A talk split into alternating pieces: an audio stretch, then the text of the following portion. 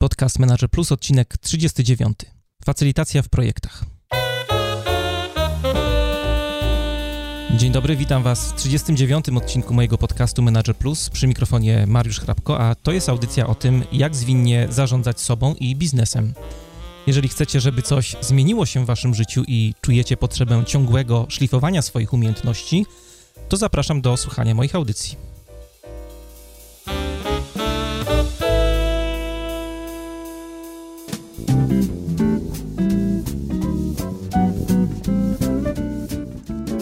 Prawie połowę czasu, jaki poświęcamy na realizację naszych projektów, to udział w różnego rodzaju spotkaniach, warsztatach, z których niestety bardzo często wychodzimy niezadowoleni, z poczuciem straconego czasu, bez konkretnych decyzji, planów działań.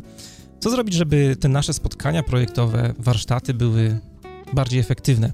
Dzisiaj będziemy rozmawiali o narzędziu, które może Wam w tym bardzo pomóc. Tym narzędziem jest facylitacja.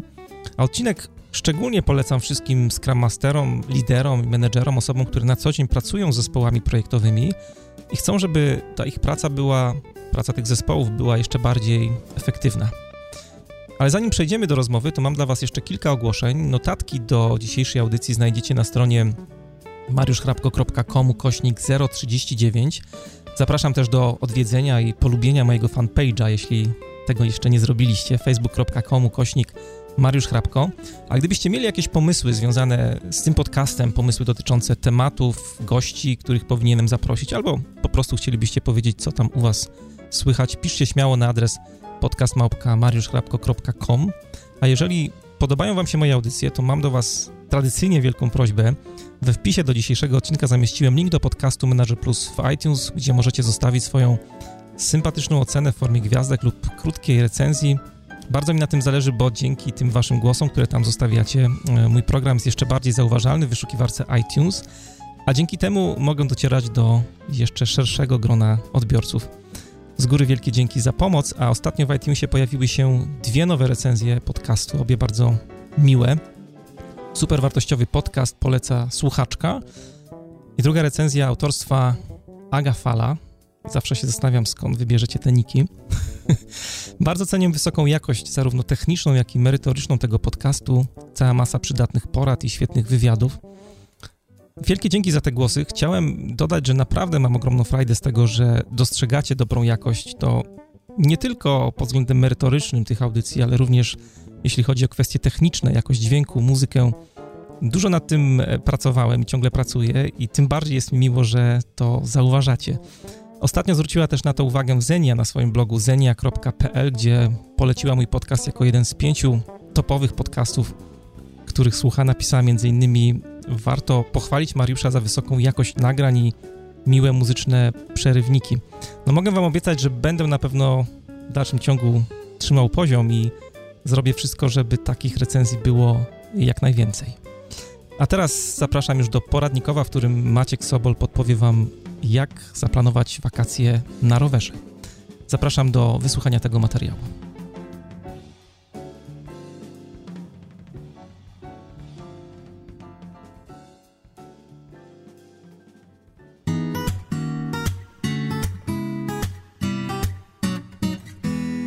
Poradnikowo. Pora na poradnikowo. Dzień dobry, ja nazywam się Maciej Soboli, prowadzę bloga narower.com oraz podcast Koło Roweru, a w tym odcinku poradnikowo opowiem Ci, jak zaplanować urlop na rowerze, jak się spakować i co zabrać. Więc po pierwsze, jeżeli będziesz się pakował na wyjazd rowerowy, to potrzebujesz sakw o pojemności 40 bądź 60 litrów. W mojej opinii takie dwie sakwy o pojemności łącznej 60 litrów całkowicie wystarczą Ci do tego, żeby się spakować. Pamiętaj tylko, aby one były wodoodporne. Ja polecam e, sakwy Crosso Dry, są bardzo tanie, mają pojemność 60 litrów i są też bardzo wytrzymałe i poza tym jest to polski produkt, więc warto wspierać polskie firmy. Druga rzecz to weź ze sobą dwa lub trzy ekspandery. One bardzo się przydają do przypinania różnych niezaplanowanych e, przedmiotów, które będziesz ze sobą woził, albo na przykład karimaty, o której wspomnimy za moment. Kolejna porada. Segreguj odzież i inne przedmioty do osobnych worków.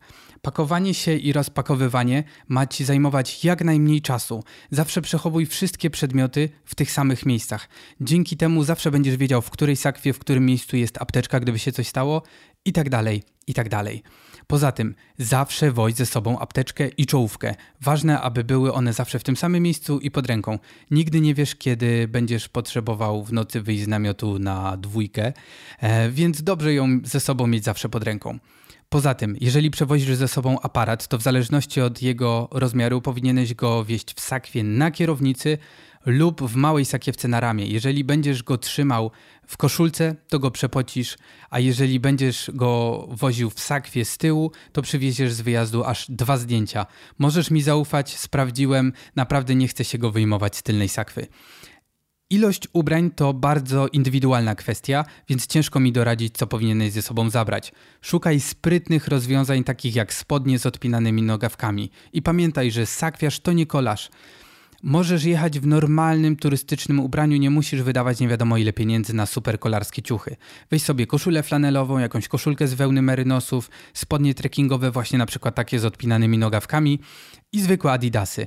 Jednak bardzo cię proszę zainwestuj w dobre rękawiczki z wkładkami żelowymi. Jeżeli masz zwykłe chwyty, to się bardzo szybko zwróci, bo zwiększy komfort jazdy. Jeżeli musisz mieć ze sobą e, spodenki z wkładką rowerową, to może pomyśl o bokserkach. Więcej na ten temat opisałem w obszernym artykule, który jest zalinkowany w notatkach do tego odcinka podcastu.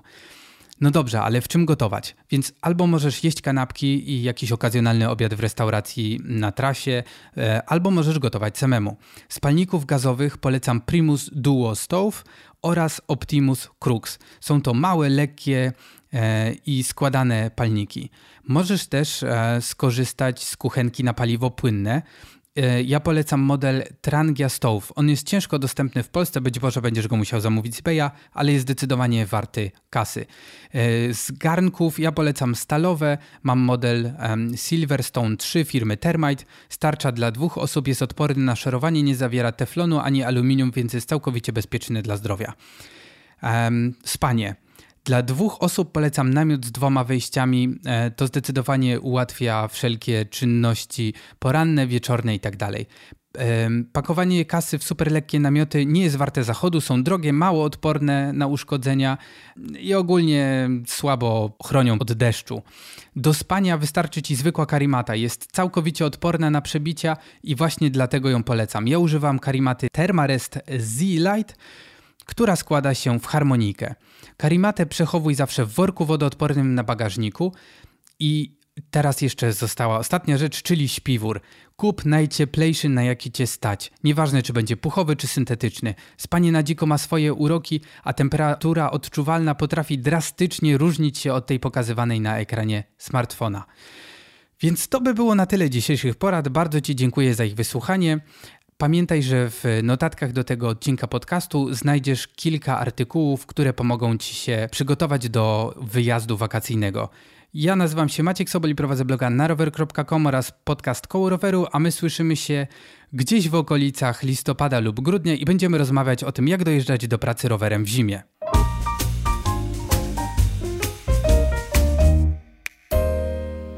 Rozmowa to jest podcast Manager Plus. Dzisiaj w audycji będziemy rozmawiali o facylitacji. Czym jest facylitacja, kto może zostać facylitatorem, kiedy facylitacja w firmie może się przydać. I z tej okazji do programu zaprosiłem panią Jolantę Marszewską, która jest konsultantem procesów zmiany, coachem grupowym, facylitatorem, a także członkiem brytyjskiego zespołu egzaminatorów facylitacji w APMG. Pani e, Jolu, witam bardzo serdecznie. Dzień dobry.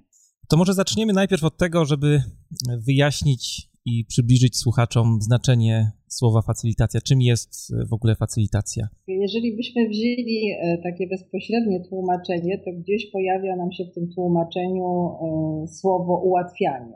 Zresztą pamiętam z, przed wielu, wielu lat, gdy jedna z gazet E, poprosiła mnie też o pomoc e, przy pisaniu artykułu o facylitacji. Dziennikarz artykuł ten zatytułował Ułatwiacz, e, w cudzysłowie oczywiście i ze znakiem zapytania. Bo chyba Więc... nie ma polskiego słowa, prawda? No i tutaj to jest tak, to też jest pytanie, z którym się często spotykam. Dlaczego wprowadzamy jakieś dziwne słowa do języka polskiego? E, prawda jest taka, że niestety niektóre słowa w tym języku e, zadamawiają się. Tu podaję zawsze przykład coachingu, e, bo wiele, wiele lat temu, kiedy coaching wchodził do Polski, próbowano go pisać po polsku, tłumaczyć, a jednak w tej chwili zadomowił się i już raczej mało osób ma wątpliwości. Myślę, że podobnie jest z facylitacją. Ja na początku używałam e, takiego angielskiego pisania, bo wydawało mi się, że to każdy przeczyta, czyli facilitation przez i, mhm. ale jak kolega przeczytał kiedyś to słowo jako facilitacja, to stwierdziłam, że chyba bardziej należy to spolszczyć. To tak z włoskiego no, ale... trochę. tak. tak, no ale to był rok tak 2008, e, to były moje pierwsze takie zetknięcia już z różnymi modelami facilitacji. Ale niektórzy też mi zarzucają, że nie mówię, e, że wymawiam jednak w sposób taki trochę podświadomy, właśnie nie twardo facylitacja, tak jak to Pan zrobił na początku, tylko tak trochę to zmiękczam. No, może tak być. Mhm. Czyli facylitator, usprawniacz, ułatwiacz pracy tak. grupowej, tak? Tak, facylitator jest to taka osoba, e, to się też mieści w definicji facylitacji, który, który wspiera pracę grupy ale to, co jest bardzo istotne, to jest to, przynajmniej w tym podejściu, w którym ja pracuję, że jest to osoba neutralna w stosunku do grupy. Jest to osoba, która nie należy do grupy de facto, nie zajmuje stanowiska e, w, odnośnie problemów, nad którymi grupa pracuje, czy zagadnień, tylko koncentruje się na grupie, na tym, jak ona pracuje, czego potrzebuje, czy komunikacja jest odpowiednia, czy ludzie pracują z odpowiednimi narzędziami, czy coś po prostu trzeba na bieżąco zmieniać, żeby ten komfort pracy e, uczestników danego spotkania, czy sesji, czy warsztatów był jak największy. I to jest jakby właśnie ta rola główna facylitatora. To musi być bardzo trudne, skoro ten facylitator nie może się angażować w to, co się dzieje w grupie. Zwłaszcza trudne, jeżeli facylitator jest z firmy, tak sobie jestem w stanie wyobrazić, że takie nieangażowanie się, neutralność, czy zachowanie właśnie takiej postawy wycofania się względem e, tego wszystkiego, co się dzieje w grupie, musi być dużym wyzwaniem dla takiej osoby. To znaczy, to nie jest wycofanie się odnośnie wszystkiego, co się dzieje w grupie, bo mhm. to, co się dzieje, czyli ta dynamika pracy, reakcje ludzi, to jest to, na czym my się skupiamy e, i w zależności od tego dostosowujemy do tego e, tak zwany proces. E, mówię tak zwany, bo nie jest to proces w rozumieniu takim e, dosłownym, jak stosujemy to w innych e, obszarach, ale to jest proces w rozumieniu, jak, jak ludzie, jak grupa będzie pracować. Natomiast to, że ma być poza grupą, oznacza, że nie zabiera głosu właśnie odnośnie tematu. I jeżeli osoba, tak jak Pan wspomniał, jest z danej organizacji, i jest e, w pewien sposób też zainteresowana problemem, nad którym będzie grupa pracować, to jest jej bardzo trudno zachować neutralność. E, w, często padają takie pytania, no dobrze, bo jeżeli jestem kierownikiem projektu i chcę wykorzystać moje kompetencje facylitacji, bo, bo się nauczyłem, bo byłem na szkoleniu, bo, bo wiem, że to działa, to co robić? My mówimy najprościej, w swoim zespole projektowym, na swoim spotkaniu zaproś kolegę, który też e, ma takie umiejętności, a nie jest tak mocno związany z tematem. Bo, bo sama wiem po sobie, że jeżeli znam się na temacie, to mhm. jest mi trudno stać z tyłu czy z boku grupy, obserwując grupę, aż mnie korci, żeby im powiedzieć, co oni mają napisać na tych karteczkach. Czyli taka wiedza domenowa, dziedzinowa może przeszkadzać w pracy facylitatora? Tak, w pracy facylitatora w danym temacie, jeżeli prowadzi sesję z danego tematu, na którym się zna, to może przeszkadzać. Mhm. A jak się tak pani przysłuchuje, to trochę ta facylitacja jest bliska do coachingu grupowego, bo coach też jest taką osobą, która e, jest neutralna, jest takim bardziej towarzyszem w podróży, jak to się ładnie e, metaforycznie mówi. E, czym facylitacja różni się w takim razie od coachingu? Bo zakładam, że jest to coś innego. E, tak, no moja droga dojścia do facylitacji też była przez coaching grupowy, bo ja po odejściu z jakichś tam struktur korporacyjnych y, już miałam kwalifikacji coacha, wiedziałam, że wolę pracę właśnie środowisko grupowe, więc też e, uzupełniłam swoje kwalifikacje właśnie e, w programie coachingu grupowego, a potem przeszłam do facylitacji. Więc w coachingu grupowym ludzie pracują nad wypracowaniem jakby swoich celów w danym obszarze, mhm. ale na poziomie indywidualnym. Czyli jeżeli jest to najprostsza rzecz, coaching, który dotyczy umiejętności komunikacji, tak, czy nie wiem, zarządzania e, równowagi, tak zwany work balance e, chociażby, mhm. to e, w grupie zajmujemy się tym tematem, ale de facto każdy z tego coś bierze dla siebie, czyli określa swoje działania e, w odniesieniu do tego zagadnienia, tego tematu. Natomiast e, w czasie facylitacji grupa pracuje nad zagadnieniem, problemem, który dotyczy organizacji, nie osób indywidualnych. Czyli e, orientacja jest na rozwiązanie problemu, który jest problemem organizacyjnym. Ale w sensie firmy, czy w sensie też grupy? Problemy dotyczące jakby sposobu funkcjonowania grupy na przykład? Może to być na przykład jak najbardziej też problem, który dotyczy grupy, ale całej grupy, mhm. a nie tylko ich indywidualnych uczestników. I teraz e, te dwie rzeczy w pewnym sensie się będą ze sobą przeplatać, bo ja na szkoleniach mam bardzo dużo osób, które zajmują się coachingiem i które biorą sobie z tego szkolenia pewne narzędzia e, przez nas przedstawiane czy techniki do tego, żeby potem pracować w procesie coachingu. Ale proces coachingu jest adresowany do indywidualnych osób na końcu sesji każdy powinien właśnie dla siebie ustalić jakiś cel. Tutaj określamy na początku, bo to, to jest jedna z e, też rzeczy szalenie ważnych e, w czasie sesji facylitacyjnej.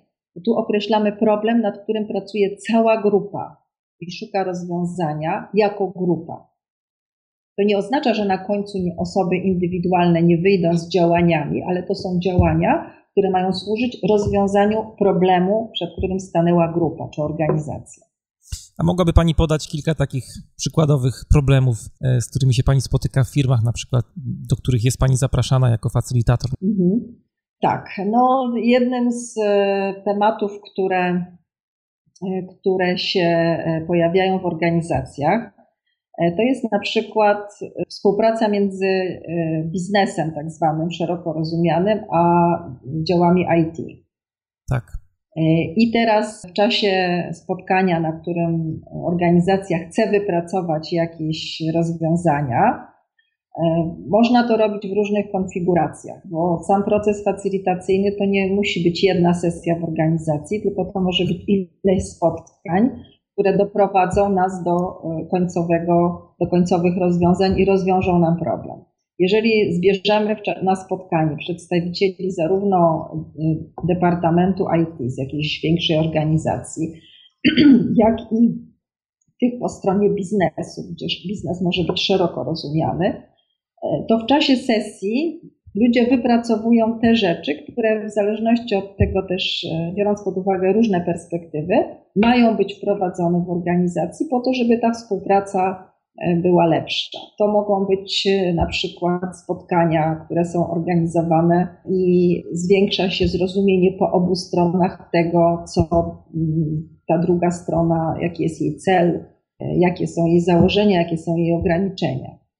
To mogą być e, też e, fajnie w organizacjach wypracowywane są takie pomysły, żeby uruchomić coś w rodzaju e, online'owych słowników, czyli miejsc, gdzie pracownik będzie mógł zajrzeć, jeżeli nie potrafi sobie poradzić, zrozumieć, nie wiem, jakieś notatki czy komunikatu, który dostał z działu IT.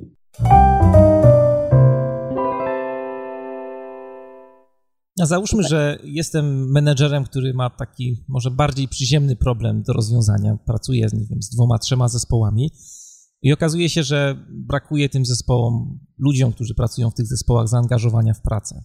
No i zdecydowałem się zatrudnić zewnętrznego facylitatora, na przykład panią do pomocy przy tej sprawie. Jak e, mógłby wyglądać proces e, przygotowywania się do takiej sesji facylitacyjnej w firmie? Jak to od środka wygląda? To znaczy, jak rozumiem, celem jest zbudowanie zaangażowania do pracy w projekcie?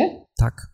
Czyli są trzy zespoły. Te trzy zespoły pracują razem w jakimś projekcie. Rozwijają brakuje... jakiś produkt w ramach projektu na przykład. Mhm. E, to ja powiem tak. Czy w ogóle e, taki temat y, nadaje się na facylitację? Bo to też pewnie od tego powinniśmy zacząć. No właśnie, tak. To po pierwsze. To znaczy tak. E, brak zaangażowania to jest jeden z częstszych tematów, z którym właśnie przychodzą organizacje, ale to jest skutek skorzystania z facylitacji. Mhm.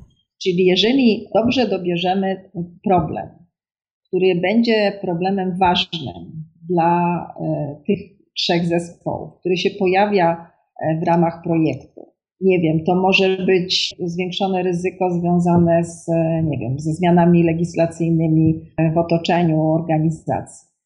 To przy dobrze prowadzonej facylitacji, w taki sposób, żeby wychodząc z takiej sesji, każdy z uczestników czuł się odpowiedzialny za jakieś działanie, za wyniki tego spotkania, tu osiągamy po prostu to zaangażowanie. Czyli to jest efekt w ogóle korzystania z facylitacji. Mhm. Cała sztuka polega na tym, żeby dobrze przygotować sesję, żeby dobrze doprecyzować temat i żeby tak dobrać uczestników, że jest to temat ważny dla tych uczestników i oni się z tym będą identyfikowali. A jak wygląda tak praktycznie przygotowywanie takiej sesji? Załóżmy właśnie, że menadżer czy firma zleca pani takie zadanie i jak się pani za to zabiera w organizacji? Jest jakieś pewnie spotkanie na początek takie tak. rozruchowe, tak? Tak, na początku jest spotkanie, na którym ja staram się dopytać, a jednocześnie zrozumieć co tak naprawdę klient chce osiągnąć dzięki tej facylitacji. E, często e, pojawiają się wątpliwości, no bo mi się zdarzyło też e, pracować właśnie z, jako że moje korzenie są z IT, więc zdarzyło mi się pracować z zespołami właśnie takimi informatycznymi. Pojawiają się też wątpliwości, że jak można facylitować grupę, jeżeli się nie będzie rozumiało, o czym ona mówi. Więc to nie jest konieczne, jeżeli, e, jeżeli wiemy mniej więcej, na czym polega zagadnienie, czyli rozumiem logikę pracy, nie muszę rozumieć podstawowych sformułowań, bo ja w czasie sesji będę obserwowała e, to, w jaki sposób ludzie się zachowują, jakie są ich e, reakcje, jaki jest właśnie poziom zaangażowania, a nie będę tak mocno przysłuchiwała się merytoryce. E, I to jest jeden z elementów, o którym zawsze warto powiedzieć w czasie pierwszego spotkania z klientem. Jak sobie określimy, bo jeżeli klient przyjdzie do mnie właśnie z takim tematem, o którym Pan przed chwilą powiedział, że to jest sytuacja, którą miałam w zeszłym tygodniu. Jego problemem jest to, że ludzie się nie angażują, to proces, który mu zaproponuję po rozmowie, będzie się opierał na tym, jakie problemy są w danym, w danym zespole, w danej organizacji. W tej rozmowie, o której mówiłam z zeszłego tygodnia, problem braku zaangażowania e, odnosi się do iluś działań, których się ludzie zobowiązali podjąć e, i nie wywiązują się z tego. I teraz e, ja patrząc na tą całą historię, będę chciała w pewnych blokach zaplanować tak proces, żeby oni zobaczyli tam swoją rolę i to, co na końcu chcą uzyskać w ramach pracy z tą organizacją. Czyli odnieść się też do tego, co zostało zaplanowane, co ta organizacja może wnieść, e, bo to jest akurat dotyczy to stowarzyszenia, więc organizacji może takiej troszeczkę dobrowolnej, a nie takiej sformalizowanej, jaką są, jaką są firmy często. Dużo Pani mówi o procesie, o procesie czy zaplanowaniu procesu. Co tutaj y, powinniśmy przez to rozumieć? Czy to jest zaplanowanie procesu, nie wiem, rozwiązywania tego problemu na przykład, y, który będzie przepracowywany w trakcie takiej sesji? Ten temat procesu jest szalenie istotny, zrozumienie, na czym ten proces polega z punktu widzenia facylitatora. Tutaj w metodyce, którą ja stosuję, czyli w takiej tej proces iceberg, E, autor tej metodyki mm, bardzo pomaga e, facilitatorowi, ponieważ wręcz dywersyfikuje myślenie, mówiąc o myśleniu czerwonym i zielonym. To pomaga, ponieważ dobra facilitacja e, jest, dobry proces facilitacji oznacza, że jest on zbudowany z takich malutkich cegiełek opisujących, co ludzie jak ludzie w każdym momencie będą pracować. Może to być też duży model typu na przykład diagram Ishikawa, który stosowany jest w biznesie. Natomiast sposób pracy z tą strukturą diagramu w moim przypadku będzie się opierał na wykorzystaniu chociażby karteczek. Ja planując proces pracy zespołu, dokładnie mam zaplanowane, jaki kolor karteczek, dlaczego, w jakim momencie, ilu uczestników, dzielę e, ten cały zespół, z którym pracuję na, na mniejsze często, czy pary, czy pracują oni indywidualnie. I każdy taki mały kawałeczek procesu daje mi coś, co potem wchodzi w następny kawałek procesu. Czyli z jednej strony to jest zgodnie z definicją procesu, jest to coś, co ma wejście i wyjście, ale jednocześnie ten proces to jest to dotyczy bardzo drobiazgowego określenia, w jaki sposób indywidualny uczestnik albo grupa będzie pracować. A ile trwają zazwyczaj takie sesje facylitacyjne? Mówiła Pani, że może być ich kilka, ale tak praktycznie to jest, nie wiem, jeden dzień na przykład takiego spotkania, czy? Nie, może być parę godzin, natomiast no, nie można mówić na przykład o godzinie, bo to jest trochę za mało, chociaż moja przygoda z facylitacją też się zaczęła od tego, że myśmy jako taki zespół e, w ramach zmiana.pl przygotowaliśmy e, elektroniczny taki system mm, złożony z klawiatur, e, który miał pomagać w zbieraniu informacji właśnie w czasie sesji od większych grup I wtedy było wiadomo, że taka sesja z wykorzystaniem właśnie tego systemu nie może trwać więcej niż 40 minut. Mhm. To wynika też z tego, że w czasie dobrze prowadzonej facylitacji musi się dużo dziać, czyli to nie może być tak, że grupa pracuje w jednakowy sposób przez właśnie dłużej niż pół godziny czy 40 minut. Chyba, że wszyscy się tak zaangażują i mają jeszcze tyle w sobie wiedzy, pomysłów, że my widzimy, że oni jeszcze potrzebują więcej czasu. Wtedy ten czas im dajemy. Bo to, to, to, co jest też istotne w praktyce, jak się przygotowuje sesję i proces, o którym ja mówię, to nie koniecznie będzie proces, według którego będzie pracować grupa, bo rolą właśnie facylitatora jest wspieranie grupy, a nie realizacja jego procesu. No ale jak rozumiem, facylitator jest strażnikiem jakiegoś procesu, bo inaczej grupa nie. może iść w różne, w różne kierunki w trakcie takiego spotkania. Nie jest strażnikiem procesu. Facylitator jest, e, Aha. nawet nie za bardzo bym użyła słowa strażnikiem. Facylitator to jest taki troszkę katalizator.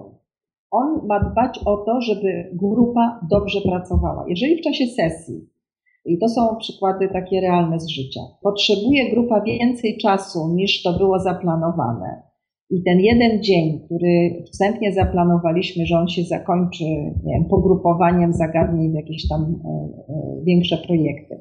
Nagle jesteśmy pod koniec dnia w połowie, to moim zadaniem jako facylitatora jest e, zapytanie osoby odpowiedzialnej za to spotkanie, ale od strony merytorycznej, co robić dalej są dwie opcje. Albo w ten sam sposób grupy dalej pracują, ale nie osiągną zaplanowanego celu, albo przyspieszamy, co oznacza, że efektywność pracy grup będzie mniejsza. No ja użyłem tego sformułowania strażnik procesu, bo jak e, myślałem sobie wcześniej w ogóle o facylitacji, to wyobrażałem sobie to trochę w ten sposób, że jest ktoś, kto na przykład dba o to w trakcie spotkania, żeby nie wiem, ludzie nie przekrzykiwali się, żeby każdy miał coś, mógł coś powiedzieć w trakcie takiego spotkania, e, żeby nie było tak, że są osoby, które w ogóle się nie angażują w taką sesję, są osoby, które są z reguły bardziej gadatliwe i przegłuszają innych, czy zagłuszają innych. E, a tutaj z tego, co pani mówi, to trochę inaczej wygląda. Tak? Nie, nie, to jest jak najbardziej, bo tutaj te przykłady, o których, te sytuacje, które pan zarysował przed chwilą, dotyczą tego, jak grupa pracuje w sensie komunikacji, mhm. jak oni ze sobą się komunikują. I to jest główny obszar, po którym się porusza facylitator. E, czyli to, że oni się przekrzykują albo że ktoś dominuje, a inna osoba się nie odzywa, oznacza dla mnie, że jest źle przygotowany proces i ja muszę coś w tym właśnie e, procesie facylitacji zmienić. E, mhm. Na przykład grupa pracuje razem, widzę, że ktoś dominuje, a, dru- a inne osoby siedzą z tyłu i się nie odzywają i są takie lekko zdegustowane to najprostsza rzecz, którą zastosuję, to poproszę, żeby chwilę popracowali indywidualnie i żeby e, wypowiedzi swoje w odniesieniu do jakiegoś tematu zapisali indywidualnie na kartach, mniejszych, większych, w zależności od tego, jak pracujemy. I wtedy zbieramy te wszystkie pomysły. To oznacza, że wszyscy się wypowiedzą, a osoba dominująca jest na chwilę przynajmniej, ma ten sam status, co pozostałe osoby. Także element komunikacji jest dla mnie takim symptomem, ten poziom komunikacji. Co muszę zmienić, czy wszystko działa dobrze?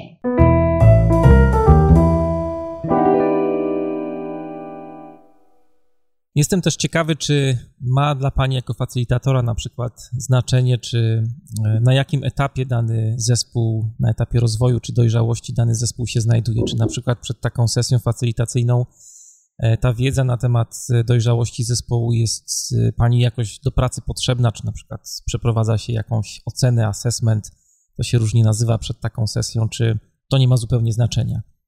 Ma oczywiście. E, ale są, że tak powiem, różne podejścia. Nie oceniam poziomu dojrzałości zespołu w takim rozumieniu e, psychologiczno, e, nie wiem jak to nazwać, książkowym. Bardziej, jeżeli mówimy o dojrzałości zespołu, to my mamy na myśli to, w jaki sposób do tej pory taki zespół pracował. Czy to nie miał, czy miał już takie doświadczenia warsztatowe, czy pracował właśnie w grupach, czy wykorzystywał, nie wiem, chociażby ściany do tego, żeby zebrać gdzieś swoje wypowiedzi, e, czy pracował w formie właśnie takich podgrup, czy raczej to są standardowe spotkania przy prawda, stole konferencyjnym, gdzie każdy po kolei się wypowiada. Mhm. To tak, takie, e, że tak powiem, główne punkty rozpoznawcze. E, i to jest dla mnie wtedy też punktem wyjścia do tego, żeby się zastanowić, jakiego rodzaju sposób pracy zaproponuję grupie. Ale drugim też bardzo ważnym elementem jest e, możliwość na przykład krótkiego, krótkiej rozmowy z uczestnikami, nawet telefonicznej, żeby ocenić na ile, ocenić tu nie jest to e, ocena w sensie, nie wiem, stawiania stopni, ale zidentyfikować, może to będzie lepsze słowo, na ile mm, problem czy sytuacja jest w podobny sposób rozumiana przez różnych uczestników, czy wręcz odwrotnie. Każdy ma zupełnie inną perspektywę na dany problem, nad, którą, nad którym e, grupa ma pracować. Bo wtedy zupełnie inaczej będę planować e, proces facylitacji. Jeżeli widzę, że jest duża rozbieżność w rozumieniu sytuacji, to na początku przede wszystkim trzeba ujednolicić tak, żeby problem, nad którym będzie potem pracowała grupa, to był ten sam problem. Tak jak e, na szkoleniu czasami proszę ludzi, żeby narysowali kosz.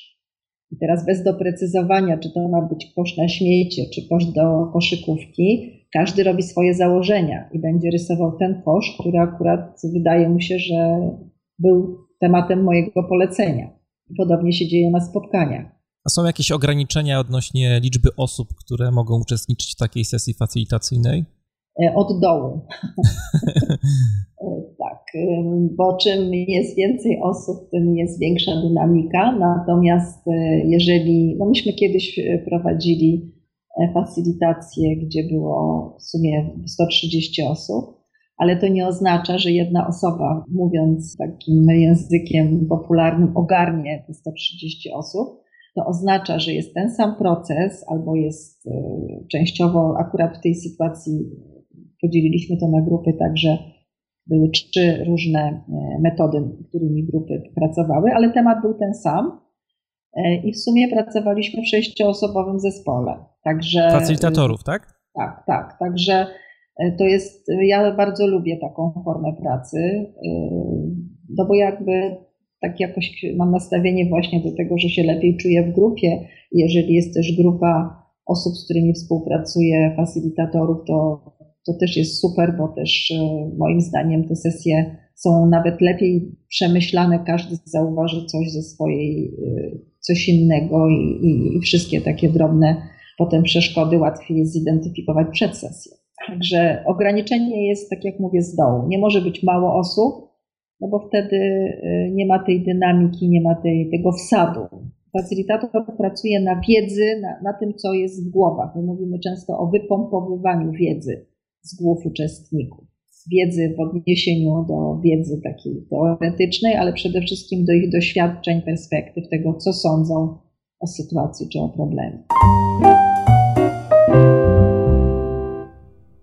A propos ograniczeń, chciałem jeszcze zapytać, czy na przykład e, są jakieś ograniczenia odnośnie ról firmowych, które mogą albo e, nie powinny pojawiać się na spotkaniach. I tutaj ciśnie mi się na usta pytanie o menedżera czy, czy lidera zespołu, bo to jest taka częsta sytuacja, gdzie jak pojawia się menadżer na spotkaniu, to część osób się zamyka albo nie jest naturalnie otwarta i nie wypowiada się szczerze o różnych problemach, które im leżą na wątrobie.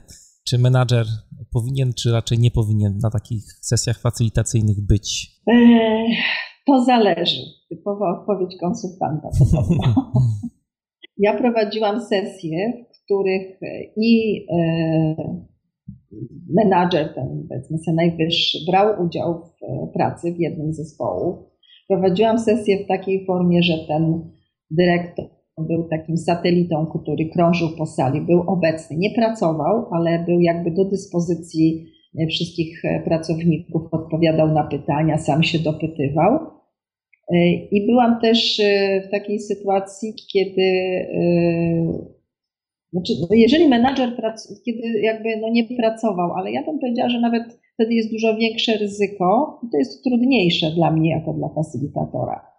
Bo jeżeli ja mam menadżera na sali, czyli osobę, której, która zwykle jest osobą, która, której zależy na wyniku, żeby grupa coś tam wypracowała, to właśnie mogę, może to być dla mnie partner do zmiany tego, co, się, co zaplanowaliśmy w czasie sesji, bo on widzi, jak ludzie pracują, e, zna organizację, więc potrafi spriorytetyzować, co z tej pracy warto dalej drążyć, a co możemy pominąć, żeby w te dwa dni jednak e, wypracować jakieś konkretne mm, rezultaty.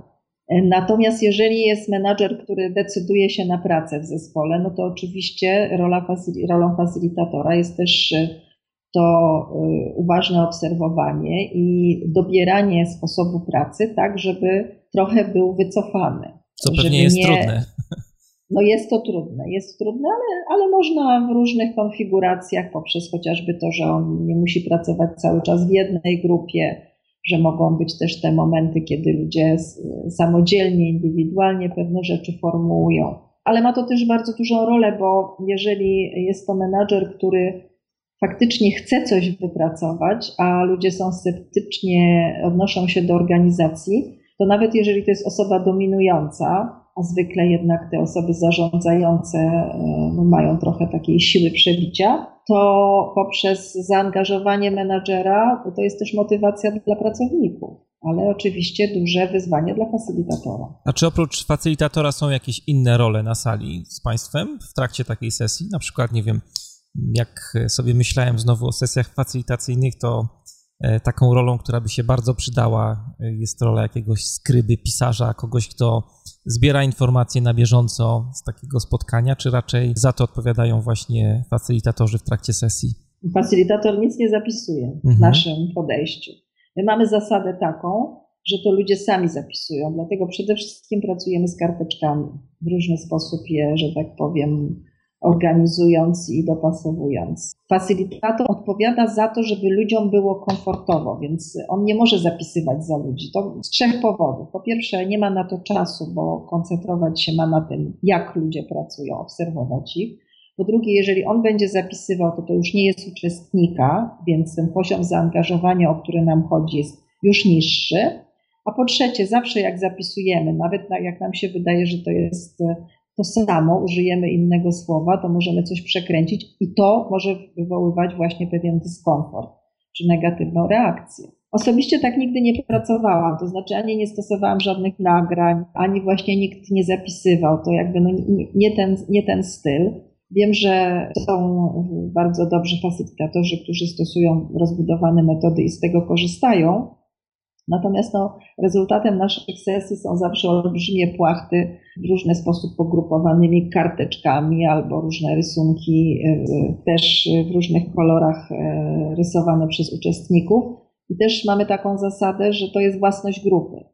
My nie jesteśmy konsultantami, którzy mają prawo interpretować wyniki. My możemy powiedzieć, czy podsumować sesję w odniesieniu do tego, jak ludzie pracowali, co by zrobili następnym razem inaczej. I to z, z grupą często robimy na koniec spotkania, ale nie zabieramy tych wyników, bo wtedy ta odpowiedzialność właśnie jest zdejmowana. To jest jakby ten cały czas pracujemy na zaangażowanie ludzi, żeby oni odpowiadali za to, co wypracują. Czyli ta ostatnia część, jak to się ładnie czasami mówi, follow-up, zależy od, y, już od państwa klienta tak naprawdę, co on z tym dalej sobie zrobi.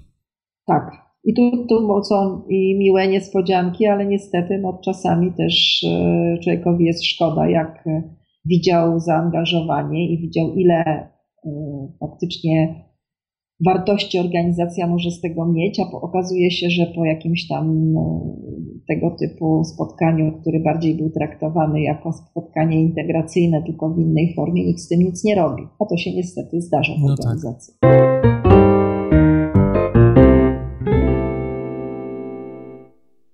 A pamięta Pani swoją jakąś najtrudniejszą sesję facylitacyjną? No, na samym początku.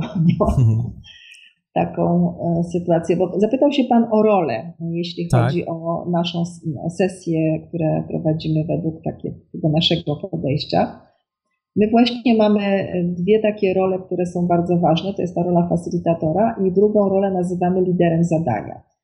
E, I to łączy temat, który już poruszyliśmy, czyli obecności menadżera na spotkaniu, bo tym liderem zadania może być menadżer, czy może być dyrektor, ale może to być na przykład, y, nie wiem, dyrektor, jakiś HR business partner, e, modna, modne stanowisko w organizacjach, który zaprasza nas do zrobienia sesji, ale też na, tym, na tej sesji jest obecny na przykład dyrektor całej organizacji. Ale de facto liderem zadania jest ta osoba, która razem z nami, jako taki partner, ale od strony merytorycznej, przygotowuje spotkanie i potem w tym takim partnerstwie będzie nas, nam odpowiadać na różne pytania, które wymagają zgody właśnie od strony merytorycznej. E, więc to jest rola, którą e, identyfikujemy i właśnie w odniesieniu do tej roli, to co jest ważne, jak e, to partnerstwo ma być skuteczne, to warto sobie dokładnie wyjaśnić zasady na początku, na czym to polega. I, i też tak zwany mm, tą formę zaangażowania.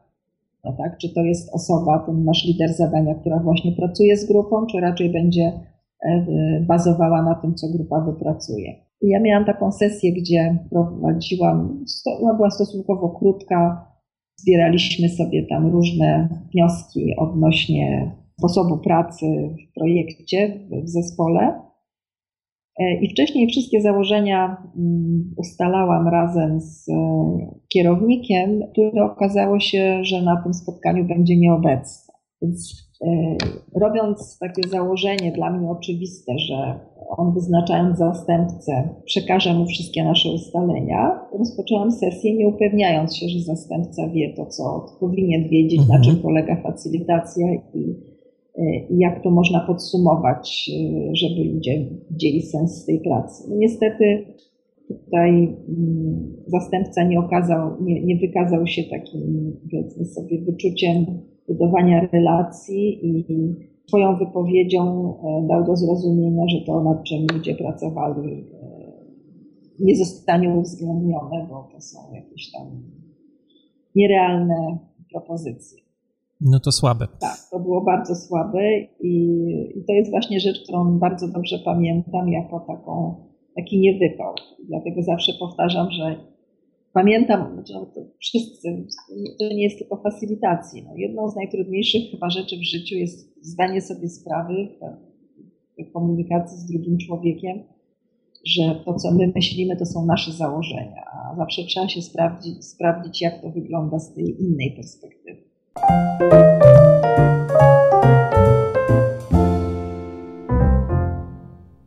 A załóżmy, że ktoś z naszych słuchaczy chciałby się nauczyć facylitacji. Czy ma Pani jakieś dobre rady, od czego zacząć taki proces? Może nie każdy może być facylitatorem, to też nie pytałem o to, ale zakładam, że tego się da nauczyć. Tak, e, myślę, że można się nauczyć, ale tak jak z każdą rzeczą, niektórzy mają łatwiej, niektórzy trudniej. Ja mam kolegę, który zawsze powtarza, że poprzez, że on ze swojej wady, czyli gadulstwa, zrobił sobie sposób zarabiania pieniędzy, bo jest profesjonalnym mówcą. Mhm. Bardzo lubi mówić, przemawiać. Ja z kolei często muszę prowadzić wykłady, ale jest to raczej moja słaba strona, bo zdecydowanie wolę pracować w grupie, bo właśnie nie mam takiej tej potrzeby mówienia. Właśnie osoby, które są takie e, bardzo, mają dużą potrzebę narzucania swojego zdania, czy takiej dominacji, mogą mieć problem, no bo naj, bardzo ważne w roli facylitatora jest ta umiejętność stanięcia z boku. My to nazywamy czasami, że facylitator to jest taki bohater drugiego planu. A od czego zacząć? No przede wszystkim yy, myślę, yy, oczywiście zapraszam na szkolenia, które prowadzimy z podstaw facylitacji. Bo z tego co widziałem, takie... to u państwa, u państwa na stronie są jakby dwa poziomy szkoleń, takich z certyfikatem nawet, dotyczącym certyfikacji według tej metody e, Process Iceberg, tak? Tak. Mhm. Też e, te warsztaty są od paru lat elementem studiów podyplomowych na Politechnice Warszawskiej z zarządzania projektami, więc tam też można się trochę nauczyć o tej facylitacji zgodnej z tym modelem.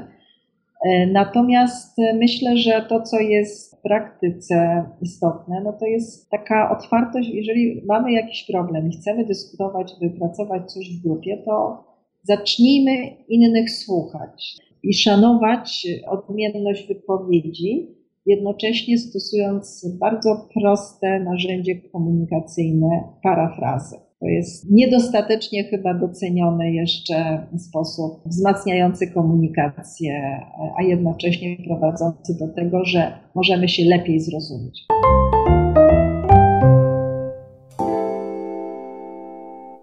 W dzisiejszej audycji przygotowaliśmy też mały konkurs. Do wygrania jest książka Facylitacja, wiedza, umiejętności, sztuka czy magia autorstwa Toniego Mana, który jest twórcą tej metody, o której pani Jola dzisiaj przez cały czas nam opowiadała, metody Process Iceberg. Książka, która też powstała przy współpracy pani Jolanty Marszewskiej, która jest naszym dzisiejszym gościem. Książkę bardzo polecam, zwłaszcza wszystkim menedżerom, liderom, a także Scrum Masterom, którzy mogą wykorzystać wszystkie praktyczne rady, techniki, narzędzia, które są w tej książce e, opisane, żeby się właśnie przygotować i facylitować też spotkania. Co trzeba zrobić, żeby wygrać? Tutaj oddam głos pani Joli, która powie, jakie jest zadanie dla Was dzisiaj. E, tak, e, proponuję, żeby słuchacze zastanowili się, w jakiej sytuacji tej organizacyjnej czy projektowej zastosowaliby właśnie facylitację, czyli zaczęliby pracować z zespołem, z grupą e, w taki sposób, żeby zadbać o jakość ich pracy, po to, żeby na końcu były po prostu nieoczekiwanie dobre wyniki. E, przy czym chciałabym, żeby wyeliminować wielu możliwości sytuacje, gdzie po prostu mamy do czynienia z konfliktem. Bo wtedy być może warto sięgnąć po mediację, chociaż e, podejście facylitacyjne też może częściowo pomóc, ale ale umówmy się, że to nie dotyczy sytuacji konfliktowej. We wpisie do dzisiejszego odcinka wpiszcie na stronie mariuszchrapko.com kośnik 038 do jakiej konkretnie jednej sytuacji projektowej, organizacyjnej chcielibyście wykorzystać facylitację i z nadesłanych propozycji wybierzemy najciekawszą odpowiedź, której przyznamy nagrodę. Nagrodą jest książka Facylitacja, wiedza, umiejętności, sztuka czy magia. A konkurs potrwa do czwartku. W piątek w komentarzu do tego wpisu ogłosimy wyniki.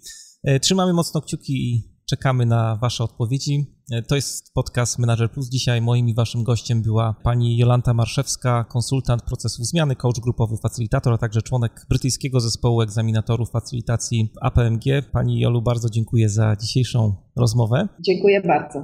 E, a ja Was zostawiam z utworem No Angel. Ja się nazywam Mariusz Hrabko. Trzymajcie się i do usłyszenia za dwa tygodnie. No